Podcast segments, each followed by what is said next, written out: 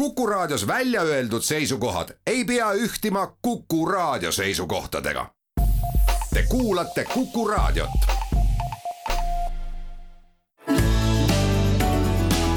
keskpäevatund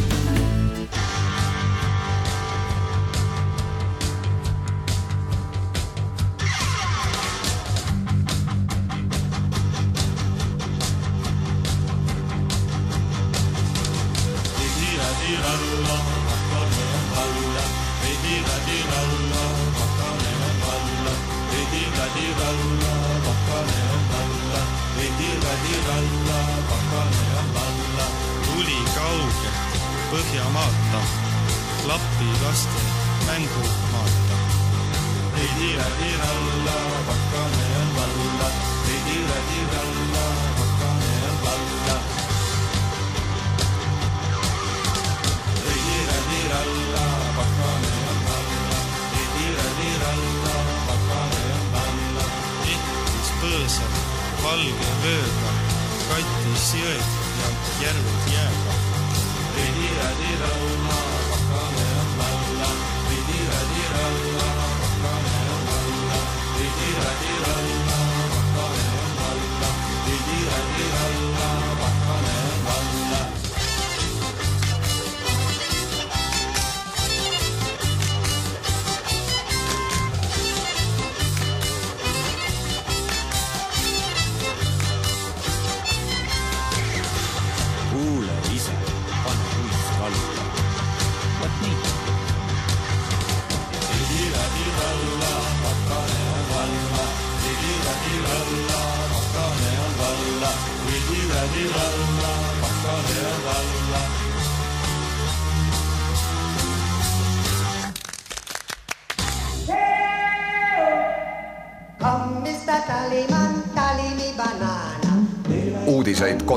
koduvabariigist. tere, siin on Keskpäevatund ja Kuku raadio, Tallinna stuudios Ainar Ruussaar, Marek Strandberg ja Priit Hõbemägi esines aga ansambel Propeller, tahaks isegi öelda, et vana hea Propeller ja sellise toreda talvelauluga tervitasid meid. Eestis, nagu teada, tuleb tali alati ootamatult ja niimoodi oli ka siis seekord. ja siis, kui lumetorm Birgit üle terve Eestimaa pühkis, hakkasid tuled kustuma siin ja seal mis jõudis lõpuks Saaremaani või tegelikult Saaremaa kandis see siis ka suures osas algas. Ja tulemus oli see, et Saaremaa oli suures osas terve nädala ilma elektrita, inimesed olid ilma, aga ka farmid, loomad, veinitööstus ja igasugune muu tootmine, kus on vaja hoida soojust ja temperatuuri. Ja ma ei, ei taha isegi mõelda selle peale, et mida need inimesed, kelle elutöö on on äh, püsti seatud ja siis korraga elekter kaob ära, et mida nad peavad tundma, sellepärast et nemad on ju kogu aeg lootnud nii Eesti Energia kui Elektrilevi peale. ja selge see, et loodus on tugevam kui inimene ja loodus on isegi tugevam kui Eesti Vabariik, aga et kahekümne esimesel sajandil jääb üks suur ja väga oluline osa Eestist terveks nädalaks ilma elektrita, suures osas see on, tundub täiesti uskumatu, aga ometigi on see tõsi. nojah, ja tegemist ei ole ju esimese korraga, et iga kord, kui meid laastab mõni suurem torm, olgu see siis sügisel, talvel või, või varakevadel, siis ikkagi on elektrikatkestusi, tõsi, nädal aega noh, on ikkagi natuke liiga palju, me oleme kuulnud neid tormikahjustusi, kus elektrit suudetakse ikkagi taastada kolme noh, nelja päeva jooksul. aga noh, need, kes selle eest vastutavad, ütlevad, et äh, kaks asja, et on vaja teha tohutut investeeringut, et äh, Elektrilevi võrgusüsteeme kohendada, Äh, number kaks on see, et sel hetkel, kui on kriis ja neid kriise ei ole õnneks olnud väga tihti, on vaja meeletul arvul juurde inimesi, keda ei ole kusagilt võtta ja Saaremaale viidi ka mandrilt inimesi, mitte et ma õigustaksin seitsmepäevast elektrikatkestust, sugugi mitte. ja noh, kolmas asi on see, et mida me siis õpime, et eks me neid võrke ju äh, aeg-ajalt ikkagi uuendame, aga ilmselt mitte piisava hooga, sest kakskümmend aastat tagasi olid ka samad probleemid mul on rääkida teile suur saladus, mida suur, suur saladus. oled sa kindel, tahad sa ikka rääkida? ma ikka tahan rääkida suure otsesaladuse okay., suurde otse-eetrisse suure saladuse ja see on nimelt see, et sel aastal juba pikemat aega jälgitakse põhja poolkeral asjaolu, et lumekatte paksus on tavatult suur, mahasadava lume paksus nüüd, kui me kõneleme muutustest ilmastikus ja kliimas, siis on selge, et need muutuvad äh, täiesti tavaliseks, et kord on nii, kord on naa ja sellist ettenägematust noh, nii-öelda äkilist äh, lund ja jääd juhtmete peal tuleb aina rohkem ja rohkem juurde. aga asjadest. nüüd äh, Elektrilevil, nagu me teame, on iga-aastaselt kõikvõimalike rikete likvideerimiseks umbes neliteist miljonit. Saaremaal, mis juhtus, põhiliselt mis juhtus, oligi see, et raskeks muutunud puuoksad, mis kukkusid nii-öelda liinide peale, tekitasid lühiseid ja selle tõttu kadus elekter ära ja teiseks suur kahju tuli sellest, et kogunenud jää vajutas nii-öelda liinid nii-öelda maad ligi ja puruks. nüüd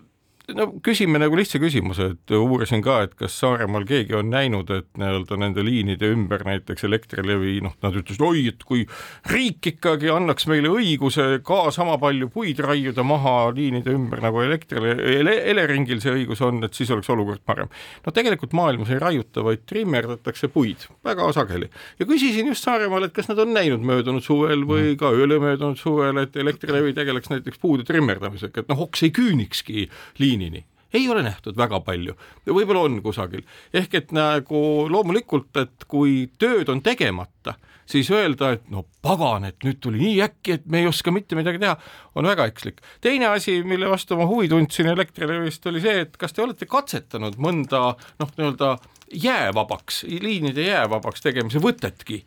vastust ei tulnud, ilmselt ei ole, aga nii-öelda maailmas on ju see probleem teada, jäävihma sajab igal pool, kus on vett ja külm, et seal see juhtubki ja noh, üsna sageli kasutatakse kas siis soojendamist või siis elektrolüütilist jää lagundamist, et neid võtteid on väga palju, ehk et minu mõte on nagu selles, et Elektrilevi ütleb oi, et sajad miljonid me paneme kõik kaablid maa sisse, et nutikus, nutikus on see, mida on vaja ja nutikust ei saa kohustada, nutikas ei saa kohustada mitte ühtegi ettevõtet või isikut olemas, mitte ükski seadus. nutikus on ainuke asi, millega saab üks ettevõte olla inimesepärane ja teine mitte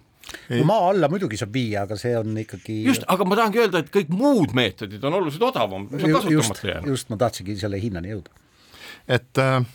jah, et äh, toredad tehnoloogilised äh, uudisleidused. ei ole uudised, puude trimmimine on tavaline või noh, Tallinna võtame, eks ole, siin ka jääd igal pool, lund igal pool, noh, samas mida me täna näeme kõnniteedel liikumine võimatu, autoteedel natukene on võimalik, parkimiskohti ei ole, lumi on ära vedamata, noh, siin mõni aasta tagasi jälle see nii-öelda roheliseks pürgiv linn öö, oma mingite ametnike, oh vot me nüüd rahastame mingit robotit, mis hakkab ise lükkama kõnniteid puhtaks, kus see robot on, kus see raha on, mitte midagi Mina, ei ole. minu meelest see robot ei olnud üldse siin, vaid see oli hoopis Tamperes. Olen... ei, ei, see oli siin, see oli Tallinnas, see oli mingisugune, jälle mingisugune järjekordne idu ja ja ei no muidugi idusid võib ju teha, et äh, eks need ju soomlased on nii-öelda meist äh, kauem demokraatias püs-, kinni, kinni püsinud ja nemadki, neil on klimaatilised tingimused samasugused või veelgi hullemad, nemad on katsetanud ka mitmesuguseid asju, et paar aastat tagasi Helsingi piirkonnast ähm, teatati meile, et äh, katsetatakse uut äh, siis lumekoristusvahendit, mis tähendab seda, et lumi pannakse ühte konteinerisse ja seal siis seda siis nagu soojendatakse ja see voolab otse siis kanalisatsiooni. Ja ma just äh, hakkasin uurima selle peale, mis sina ise mulle meelde tuletasid, et kuidas selle, kuidas, kuidas sellega siis on, tuli välja, et prototüübist kahe aastaga ei ole prototüübist siiski kaugemale jõutud, on ehitatud uus prototüüp, see on viidud, nüüd muudatus on see, kui varem seda tehti kuskil linna keskel ja siis vesi, vesi läks kanalisatsiooni, nüüd on viidud see konteiner, mis on endisest suurem, see on viidud merekaldale ja lumi siis äh, viiakse merekaldale ja kant-, ja pannakse sinna sisse. ja võib-olla selles soojendamisel on ka siis mingisuguseid selliseid uuemaid meetodeid kasutatud, aga põhimõtteliselt ikka midagi mõistlikku ei ole, et me oleme nagu ajaloo jooksul näinud väga palju, kuidas kunagi või noh, mitte ise näinud, aga kuulnud, kuidas ma ei tea, kas või kunagi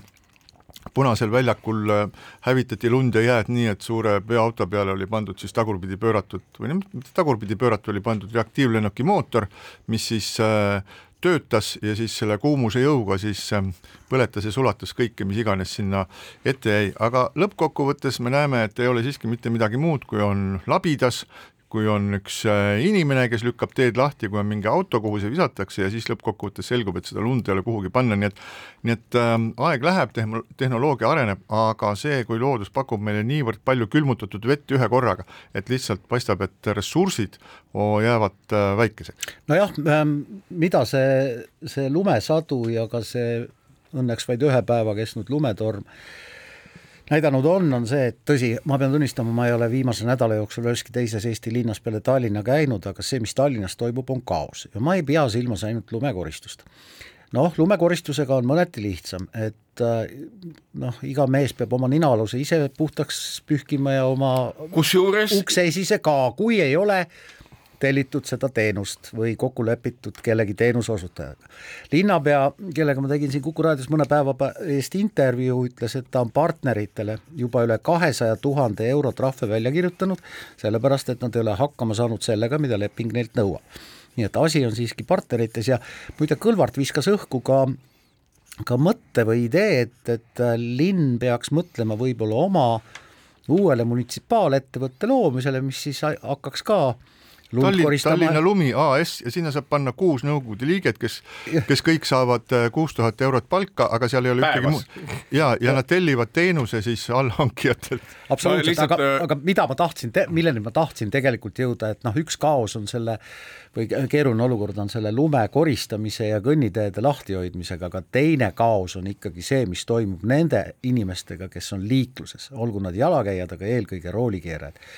ma olen viimase nädala jooksul vähemalt kolm korda näinud, kuidas linnaliini buss sõidab täiesti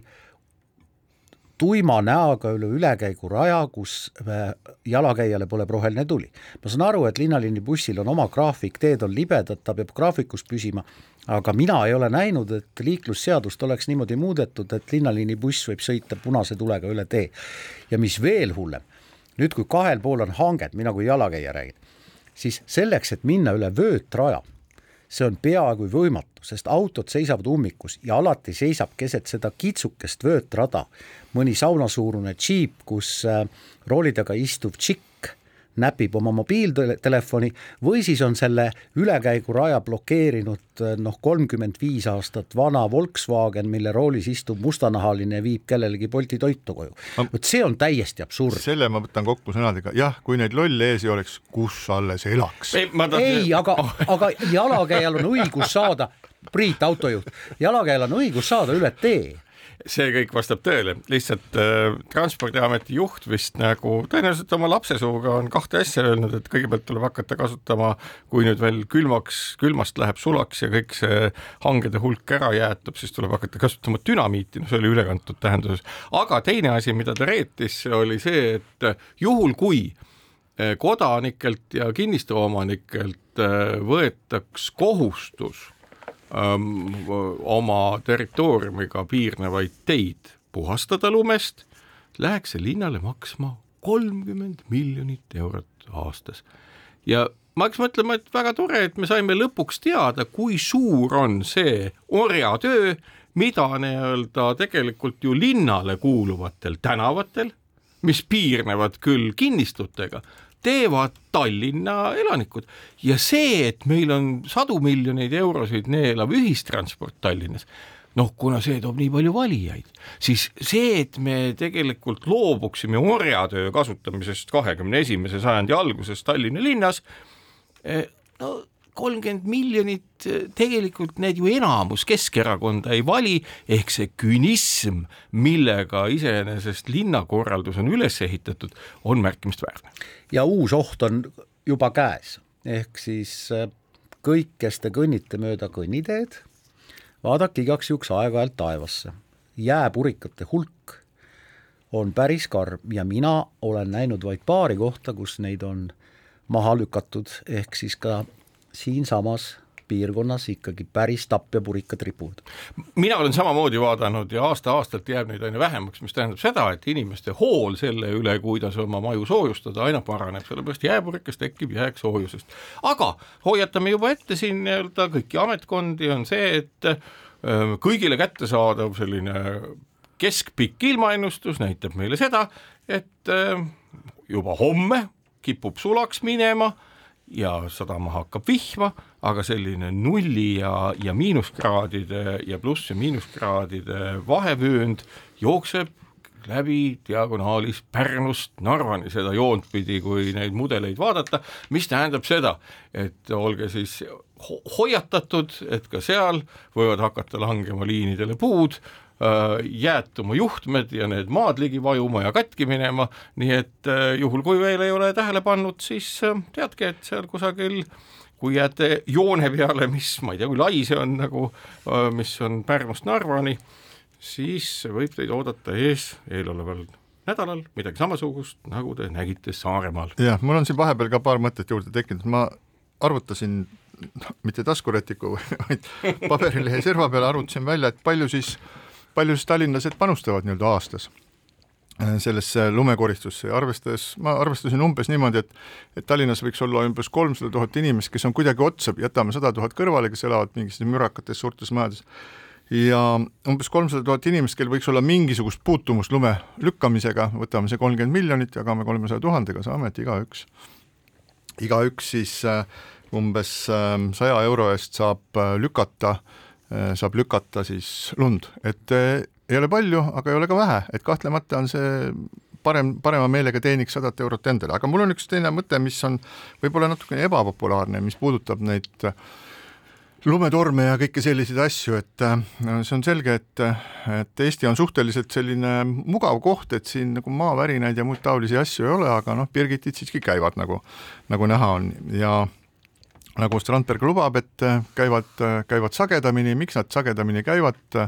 tont seda teab, võib-olla keerulistesse kliimamuutuse teooriatesse tont ei tea, inimesed teavad. praegu ei, praegu ei laskuks, aga mu küsimus on siis selline, okei okay,, et kliima muutub siiapoole või sinnapoole, selge, ta on ju kogu siis äh, mitte ainult inimkonna, aga ka maakera olemasolu jooksul, planeedi Maa olemasolu jooksul kliima on kogu aeg muutunud ja nagu täiesti drastiliselt, kord ta on täiesti elatav, kord ta on nagu vaevu-vaevu elatav, siis ta on ära põlenud, siis ta on kaetud kümne kilomeetri pakkuse jääga ja nii edasi, nii edasi. praegu on enam-vähem okei okay meie kandis, aga kas see lootus olla täiesti lumekindlat tsivilisatsioonina või mingi nurgakesena tsivilisatsioonist on üldse põhjustatud? Või on üldse põhjendatud, et, et kuskohast meil on tulnud selline nagu imeline idee, et et me suudame nagu looduse niimoodi täiesti ootamatu ja meeletu jõuga äh, tegutseva sellise äh, sellise asja kuidagi niimoodi ära, ära siis ähm, ei, me peame ohjade, panna, panna looduse niimoodi ohjadesse, et, et meil ei ole, meil ei ole, et alati, kui tuleb mingisugune uskumatult suur lumetorm, et meil on tänavad puhtad, et meil autod sõidavad, et meil ükski elektriliin ei lähe katki, et kas, kas ei ole nagu natukene lapsik lootus? ei, seda, ei taha ju maavärinaid ja taifuune. ei, seda ei juhtugi kunagi, aga äh, selles mõttes maksimaalne teha selleks, et sellega kaasas käivad mõjud oleksid minimaalsed on alati võimalik. see tähendab seda, et meil on juba noh, tegelikult me ju teame neid torme ja asju pikalt, et meil on paar-kolmkümmend aastat olnud aega ümber mõelda kogu oma energiasüsteemi ülesehitus. ka see, et meil oleks hajutatud energeetikat, ka see, et kaugemates kohtades oleks olemas noh, nii-öelda nüüd juba ka akupangad, aga ka generaatorid ka majade juures ja see tähendab ka seda, et noh, ütleme, et okei okay,, et noh, kohe lumetormi järgselt loomulikult ei, on patt mõelda, et õnnestub kõik asjad ära korjata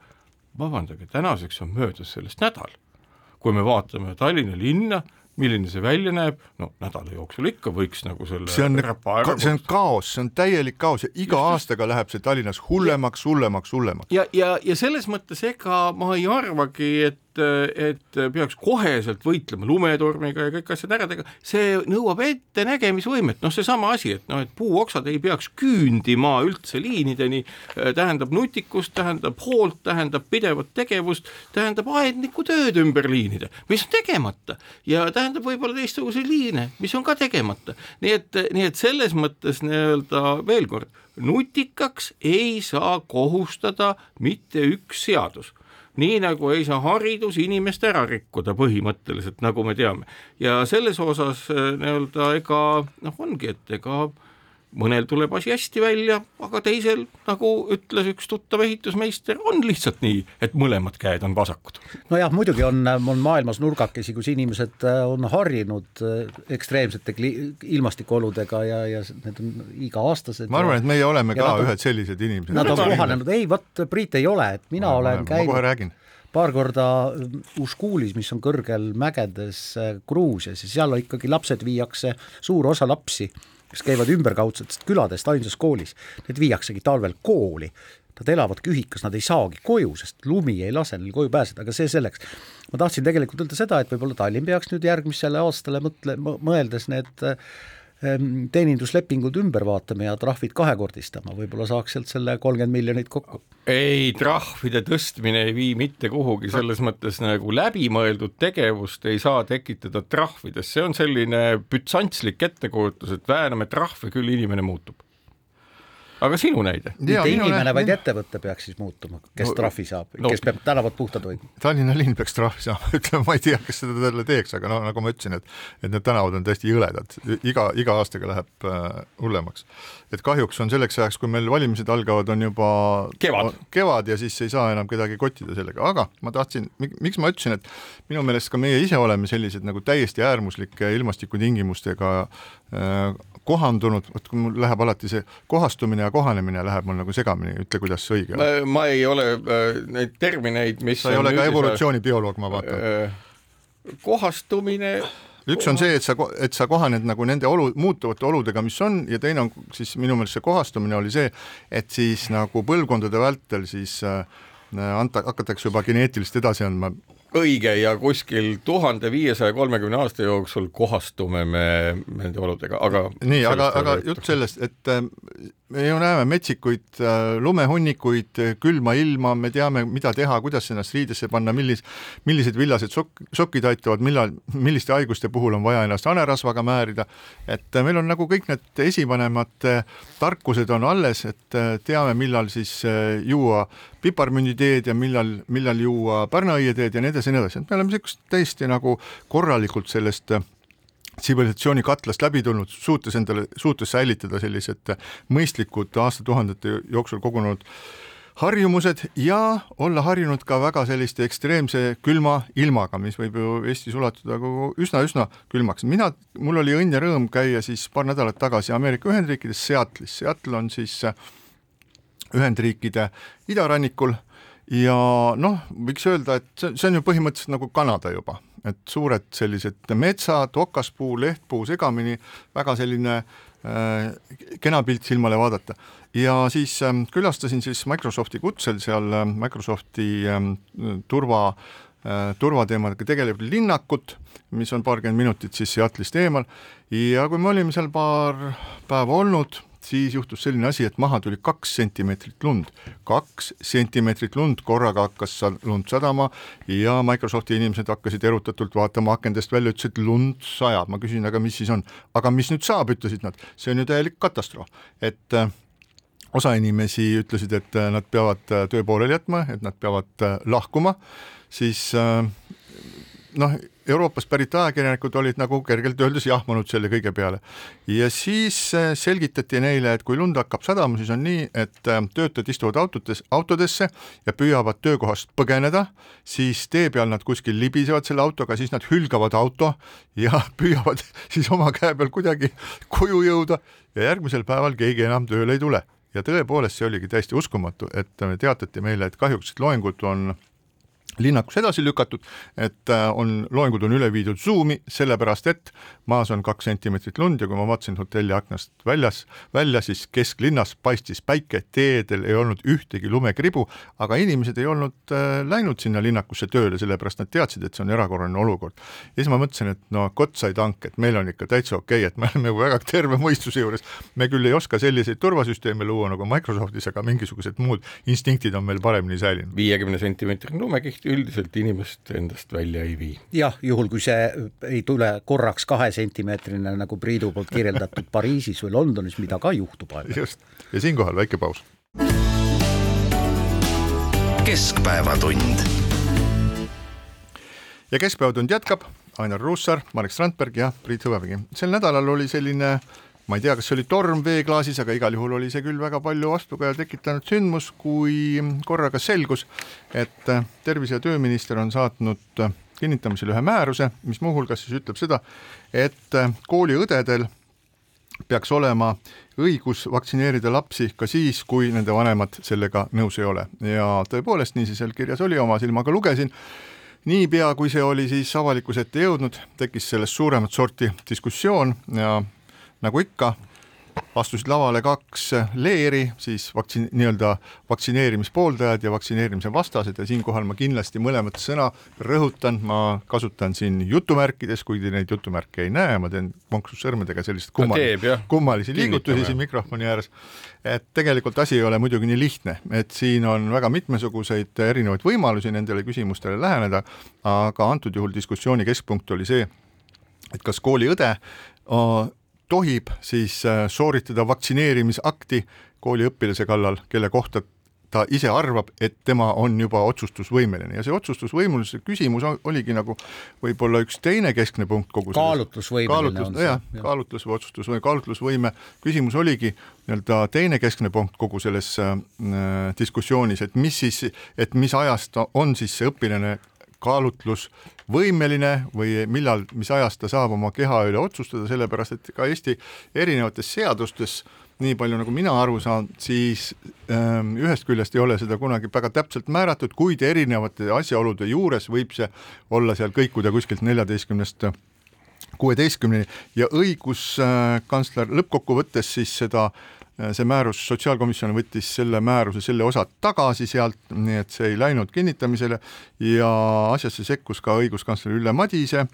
kes ütles, et ähm, tema hinnangul tekitab Sotsiaalministeeriumi määruse eelnõu, mille järgi saaks koolilapsi vaktsineerida nende soovil ka kooliõed praegusel kujul segadust ja vajab muutmist nii, et oleks arvestatud lapsevanemate huvide ja hirmudega ning arstide ja õdede elu ei tehtaks veelgi keerulisemaks selle kuulge, mul on selle kohta nüüd nagu, esiteks ei saa ma aru õiguskantslerist, kes ju mõni aeg tagasi seisis veel selle eest, et laps peaks saama ise minna psühhiaatri juurde ilma vanemalt nõusolekut küsimata ja saada vastavat abi. ma arvan, et, et me, kuule, oota, aga psühhiaater ei, ei süsti tema kehasse mingisuguseid aineid, see on ka täitsa selge, ta, ta küll vaatab talle silma, ta vaatab talle silma. ja, ja, ja oot, oot, oot siis... väga hea, et sa tead, kuidas psühhiaater töötab, aga põhimõtteliselt asi on ju samasugune. see, millest on antud hetkel jutt, on ju küsimus sellest, et väga paljudel lastel on vanemad, kelle ilmavaade on äh, ajale jalgu jäänud kes kujutavad ette midagi muud, mida vaktsiinid teevad, kes nagu selles mõttes ei ole kooliharidusega kaasas käinud.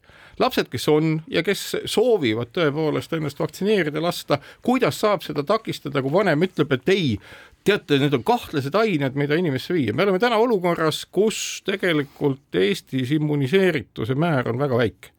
me oleme olukorras, kus noh, küsimus ei ole ju ainult mitte Covidis, vaid väga paljudes muudes nakkushaigustes, mis mis on, mis on sageli väga surmavad. ja nii ongi. ja nüüd, kui vanem on näiteks selle tõttu, et ta kujutab ette, et maakera ei olegi ümmargune ja veel midagi, ega laps ei ole ju vanema oma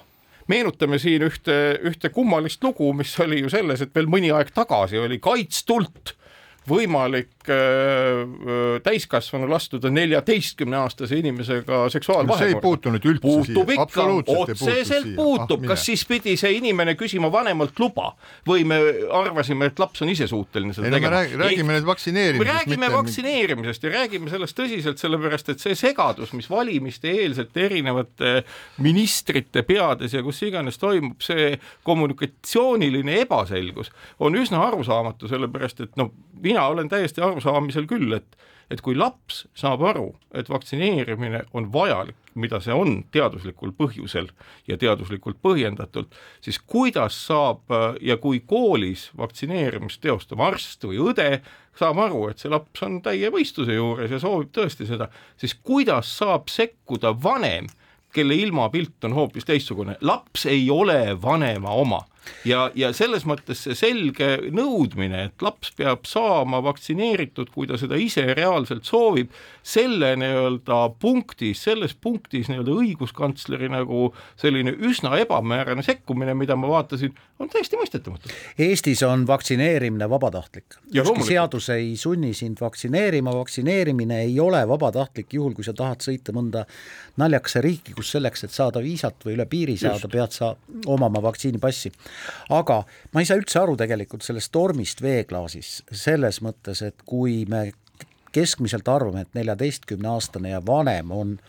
kaalutlusvõimeline. Ja kui selles on kahtlus, siis õpetaja või äh,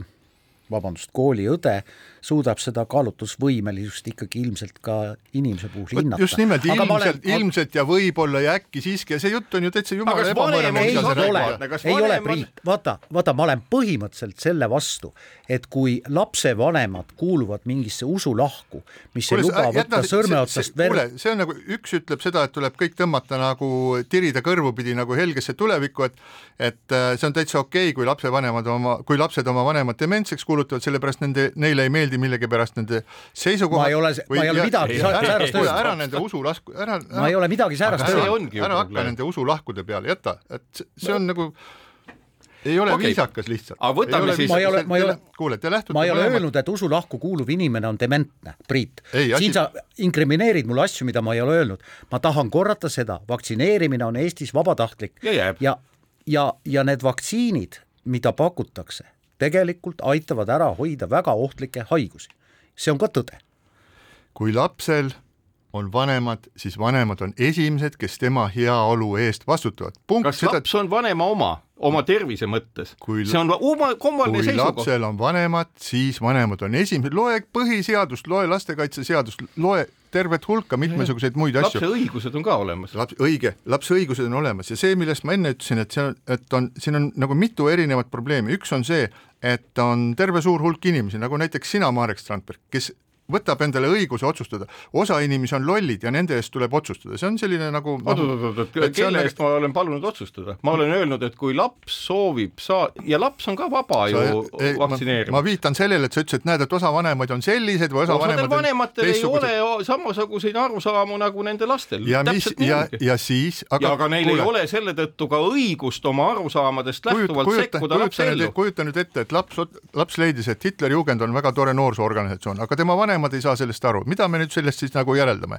et vanemad on jäänud nagu vanamoodsaks ja nad tuleks nagu kuidagi käi pealt kõrvaldada või mida teha. oota, keegi ei ole öelnud, vaata see käibelt kõrvaldamise mõte on sinu peas nagu äh, trummeldav mingisugune ettekujutus, mida tegelikult ju ei ole. me räägime, noh jälle, me räägime teaduspõhisest maailmast ja selle nii-öelda väärtustamisest. ma ei räägi sellest, et inimesel on mingisugused ideoloogilised kaldused, mille, mille teaduslikkus on keeruline ja kõik mis muu täna me oleme olukorras, kus lapsed, kes soovivad lasta ennast vaktsineerida, on siiani sattunud olukorda, kus nad on läinud vastuollu oma laste vanematega ja need ütlevad, et ei tohi vaktsineerida. ja selles osas, mis puudutab nii-öelda teaduslikku ilmapilti, mis puudutab seda, mis on noh, nii-öelda sellise ühiskonna, kus teadus on väärtustatud jaoks oluline, seal vanemate sekkumine, kui laps on teistsugusel arusaamal ja arusaamal, mis on tema kooliharidusega kaasas käiv, vanemaid ei peaks arvestama, täpselt nii ongi. see on väga, see on väga lihtsustav, sa nagu mõtled, et ongi, et sellised ja on teistsugused, jällegi, et see on nagu mustvalge, sa samal ajal sa tead väga hästi, et maailm ei ole sugugi mustvalge. Maailm ei ole mustvalge, aga selles punktis on. ei ole selles punktis, on väga palju neid inimesi, kellel, kes, kelle vanemad võivad või on lapsi, kelle vanemad võivad olla kõrgelt haritud, võivad olla arstid ja mingisugusel põhjusel nad seda ei taha. ja see sinu väide selle kohta, et nemad ongi aga sellised, kes kes, kaalutlus. kelle, kelle arvu, kelle arvamust ei tohiks arvesse võtta, see on niisugune põhimõtteliselt vale. oota, millest me nüüd räägime, kas me räägime sellest, et kui inimesel on mingisuguseid haigusi või muid kaalutlusi, mille tõttu teda nagu meditsiinilisel põhjusel ei saa jaa, aga see on teada see. on, see on teada ja sellega, see on ju ka teada haiguslugudest ja millest iganes, et me ju ei räägi sellest. me räägime sellest, kus vanematel, nii nagu Aimar, Ainer ütles, on, on ideoloogiline vastuseis vaktsineerimisele, ideoloogiline vastuseis teadusele, ideoloogiline vastuseis teaduslikule meditsiinile. see ei võta ära nende õigust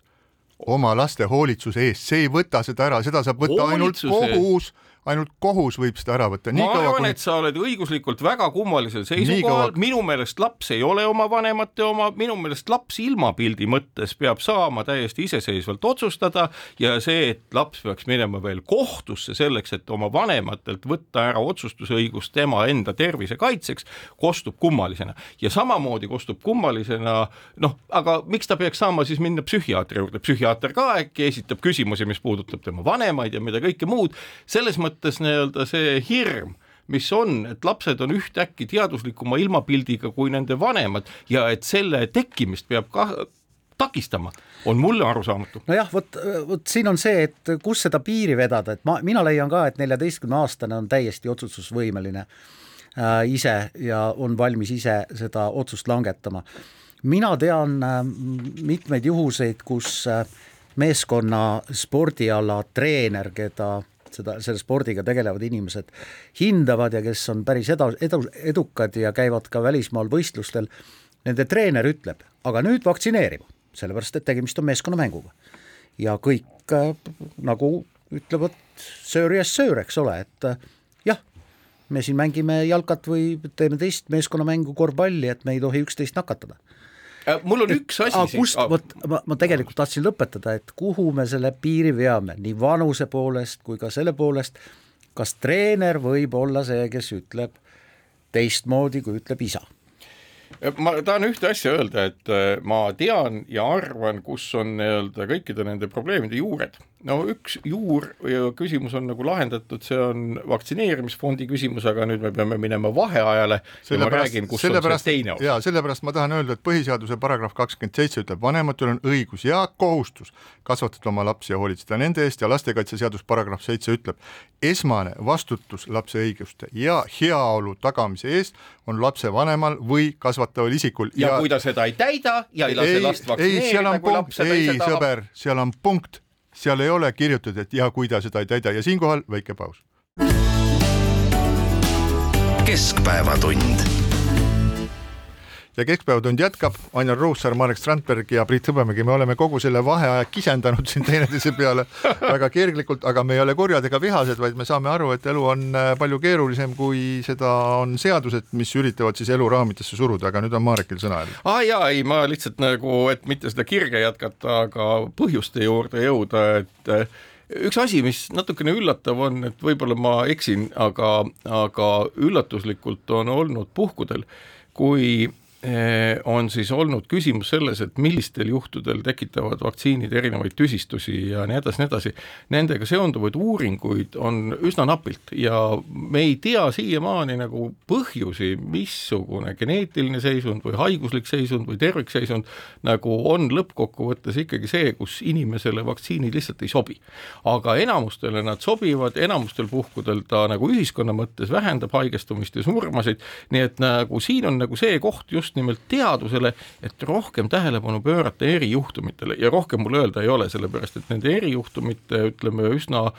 napp käsitlus on võib-olla ka see põhjus, mis ühiskonnas hoiab nagu sellist vaktsineerimishirmu üleval. mina lisan siia veel vaid ühe lause, et vanemate vastutus oma lapse eest on täiesti ilmselgelt oluline ja kõige olulisem asi, aga vanema vastutus oma lapse eest tähendab ka seda, et see tähendab vastutust ka lapse tervise eest ja võtamegi selle teema siis kokku, mina tahaks öelda selle kohta niimoodi, et suur osa sellest vaidlusest keeles meil selle, selle üle, et millal on siis laps kaalutlus, kuidas nüüd kaalutlusvõimeline või otsustusvõimeline, et ta saab oma, oma keha üle ise otsustada ja, ja mida selgem see on, seda lihtsamaks muutuvad ka need küsimused, mis selle üle, mis äh, selle selle põhjal kerkivad, nii et need äh, lõppkokkuvõttes me me ei jõudnud veel kõige keerulisemate nagu küsimusteni, et nagu näiteks, et kui ema arvab üht, laps arvab teist, aga isa arvab veel kolmandat. isa arvab kolmandat, et kuidas siis peab kuidas meil on, kas me saame veel umbes kaks tundi saateaega juurde siit kuskilt ponitada, ponistada või mitte, isa ütleb režissöör. aga räägime siis sellest, et äh, meie igapäevasest äh, igapäevasest hakkamasaamisest, näiteks on siis ähm, arenenud riikide organisatsioon ehk OECD teinud raporti, mis paneb riigid pingeritta selle järgi, et kui palju on rahva reaalpalk kukkunud, et me oleme nüüd siin terve selle sügise oleme kuulnud seda, kuidas inflatsioon ulatub üle kahekümne protsendi, kord on kakskümmend üks koma kaheksa, kord on ta kakskümmend kaks ja siis me arvusta, arvutame selle järgi, et kui palju meie rahakott on muutunud õhemaks. Ja OECD siis arvutab reaalpalka, et kui palju on reaalpalk, mis tähendab siis seda raha, mille eest me reaalselt midagi osta saame, langenud Eestis aastatagusega võrreldes ja see protsent on ausalt öeldes täiesti täiesti karm, see on kaheksa koma neli protsenti ehk et hoolimata sellest, et iga kvartal on meil räägitud sellest, et Eestis keskmine palk kasvab, aga seegi pole meid päästnud, nii et võrreldes aastataguse ajaga noh, praktiliselt kümme protsenti selle raha eest, mis me kätte saame kogu oma töö ja vaevaga, saame me vähem midagi endale lubada. no Tšehhi ja Sloveenia on meist natuke veel tagapool, aga see on see, küll suur aga see on nii väike pro-, null koma protsendi koht, et, et siin sisuliselt ei ole midagi teha. jah, inflatsioon sööb selle, selle palga ära ja ja, ja ka palgakasv, olgu see siis avalik sektor või mõni muu sektor, äh, kus see palgakasv on aset leidnud, siis äh, see ei ole loomulikult olnud vabandust väga, kakskümmend kaks protsenti või kakskümmend üks protsenti või kakskümmend protsenti, mis on olnud inflatsioon viimasel poolel aastal. no me oleme selles mõttes nii-öelda analüüsiga poole peal, mis tähendab äh, seda, et teine pool on see, et mis siis on juhtunud, et väga paljud ettevõtted, mis on otsapidi olnud energiaäris, on saanud tõenäoliselt väga-väga suuri kasumeid mille noh, nii-öelda jagamine palkadeks on osutunud ilmselt nende otsuste põhjal eda-, ebamõistlikuks ja seda nad ei tee Äh, eks me näe, mida nad selle nii-öelda kasumiga teevad ja millised on siis investeeringud tuleviku jaoks, väga paljud ettevõtted on läinud või minemas pankrotti ja selles mõttes on Eesti ühiskond selline nagu ettevõttekeskne ühiskond, saan ma aru, et ettevõtete heaolu eest seistakse. nüüd küsimus ongi nagu selles, et äh, sellist nagu, kuidas ma ütlen, nagu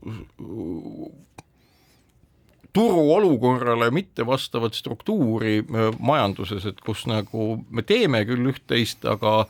aga turud näit-, näitavad hoopis midagi muud, mida peaks tegema, et seda on kurdetud ka varemalt. Ja, ja me iseenesest nii-öelda küll tundes uhkust selle üle, et kinnisvarasektor edeneb ja mis iganes kõikvõimalik nii-öelda äh, ilu ja, ja tuled ja viled on kaunid, et me täna jälle kogeme seda, et meie majandus on kuidagi nagu selline hästi hõre ja väga lihtsalt uppi minev. ja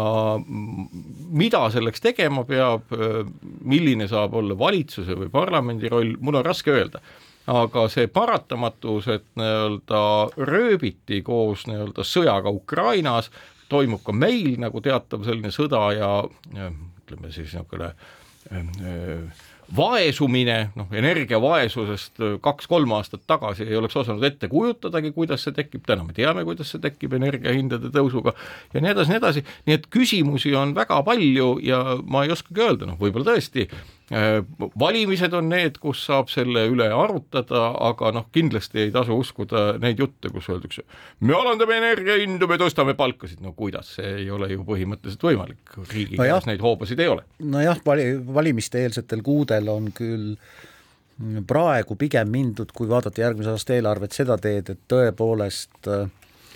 jagada nagu toetusi, jagada toetusi, jagada toetusi, ma ei ole kindel, et see, esiteks ei ole see lõplikult jätkusuutlik. ei, see ei saagi olla jätkusuutlik. siin peab olema mingisugune muu mudel no muu mudel ja nagu... see muu mudel on meile silmaga nähtav, ma ennustan kuskil aprilli esimestel nädalatel, kui uus valitsuskoalitsioon, ükskõik kellest see koosneb, peab vastu võtma negatiivse lisaeelarve veel ühe veel palju negatiivseid. ma arvan, et nagu üks asi, mida ma julgen tõesti soovitada osalemata valimistel, kus iganes, eks, et on ikkagi seesama nagu põhimõte, et me oleme liialt lihtsalt hüljanud nii-öelda selle, selle uue tööstusrevolutsiooni ehk rohelise revolutsiooni põhimõtted, läinud tagasi oma vana nii-öelda harjumuspärase äri juurde ja kui me võtaksime selle tööstusrevolutsiooni, see ei ole mitte pelk mingi roheline pööre või mis iganes, see on suur tööstusrevolutsioon, selle väljakutseid ja ettepanekuid, mis seal tehtud on, tõsiselt ja sukelduksime nendesse nii-öelda tehnoloogiatesse, nendesse äridesse, siis ma arvan, et nii-öelda tööd jätkuks väga pikalt ja väga paljudele inimestele, noh kas või näiteks see, kui me kujutame ette, kui paljusid tuuleparke soovitakse ehitada, kui me kujutaksime ette, et nende tuuleparkide ehitamine ja nende tuulikute ehitamine ja seadmete ehitamine võita siia, siis kui palju sellest tööd saaks või võtame ka kõige nii-öelda ebameeldivama osa majandusest ehk sõjatööstuse, et kujutades ette, kui suur on näiteks tänasel hetkel Ukraina laskemoona vajadus, siis noh, täna võiks mõni selline ettevõte tekitada tekkida ja pakkuda ju inimestele tööd. nii, aga mitte kõigil ei lähe kehvasti, sellepärast et avalikus sektoris jäävad jõulupreemiate vähesed, meie siin avalikku sektorisse ei kuulu, aga nii nagu teatab Eesti Rahvusringhääling, hääling, siis on avalikus sektoris kujunenud tavaks maksta aasta lõpus tulemustasusid ja seda saavad peaaegu kõik, sellest hoolimata ei taha ministeeriumid neid äh, summasid jõulupreemiateks nimetada, et Justiitsministeeriumis varieerusid pre-, preemiad vahemikus kakssada kuni kuus tuhat eurot on olnud ka äh, mingisugune, sätestatud mingisugune protsent, alla kümne protsendi tavaliselt aastasest palgafondist äh, mõnes ministeeriumis, kõik see siis on seotud avaliku teenistuse seadusega, mis lubab siis, et umbes kakskümmend protsenti kogu palgast võib olla muutuv palk, nii et lõpmatult seda siiski maksta ei saa, lagi on seal ees, aga igal juhul on siis olukord selline, et mina küll ei ole nagu ammust aega kuulnud, et erasektoris oleks makstud viimastel aastatel mingisugust mingisugust, eh, mingeid eh, jõulupreemiaid, et need jäid kuskile seal eh, enne suurt majanduskriisi kaks tuhat seitse kuni kaks tuhat kümme, aga avalikus sektoris noh, ma vaatan, et see, ma ei taha nüüd seda lõplikult kuidagi nagu täitsa vett sellele peale tõmmata, et kindlasti on väga palju selliseid ametnikke, kes on väga, väga tublid ja, ja teevad oma tööd kohustundlikult ja nii edasi, aga küllap on ka neid, kes seda ei tee ja samas, et kui inimesed jagatakse lihtsalt, jagunevad kahte, avaliku sektori töötajad, kes saavad jõulupreemiat praktiliselt ja teised, kes ei saa, siis on natukene, tunne on natukene nadi ausalt öeldes. ma arvan, et avalikus sektoris diferents on ka väga suur ja see ju, mida Rahvusringhäälingu uudis ei käsitlenud, on küsimus selles, et mida teeb muu avaliku raha peal toimiv asi, näiteks Riigimetsa Majandamise Keskus, erinevad muud hallatavad ja omaette asutused ja ettevõtted, ehk et see virvarr, mis seal toimub, on, ma arvan, päris kole. ja see saab toimuda ainult selle tõttu, et mujal inimesed jäävad tööta et mujal ettevõtted kukuvad kokku, kuna maksukoormus ja kõik muu on lihtsalt üle jõu käiv. nojah, jõulupreemiaks on seda lihtsam nimetada, sellepärast et nimetada seda aastaseks tulemustasuks on keeruline, kuna seda tulemust on keeruline mõõta, nagu me teame, mm, väga paljudes, väga paljudel erialadel üldse, nii et noh, jah, mul on hea meel selle üle, et keegi saab jõulupreemiat, ma olen nõus Priiduga, et kahe tuhandendate algul eraettevõtluses hakkasid need preemiad ära kaduma ja nii on see jäänud. jah, aga väike nali ka siia lõpetuseks, et äh, kui Aktuaalne Kaamera küsis Riigikontrolli käest, et kas nad on tegelenud avaliku sektori preemiatega, siis vastas Riigikontroll, et nad on tegelenud põlema, põletavamate teemadega, aga samas premeerib ka Riigikontroll oma töötajaid ülejäänud avaliku sektoriga samal põhimõttel, tulemustasu saab enamik, ilma jäävad vähesed, mõelge selle peale. aga seniks ilusat talvist nädalavahetust, aitäh, et kuulasite, kohtume taas nädala pärast. keskpäevatund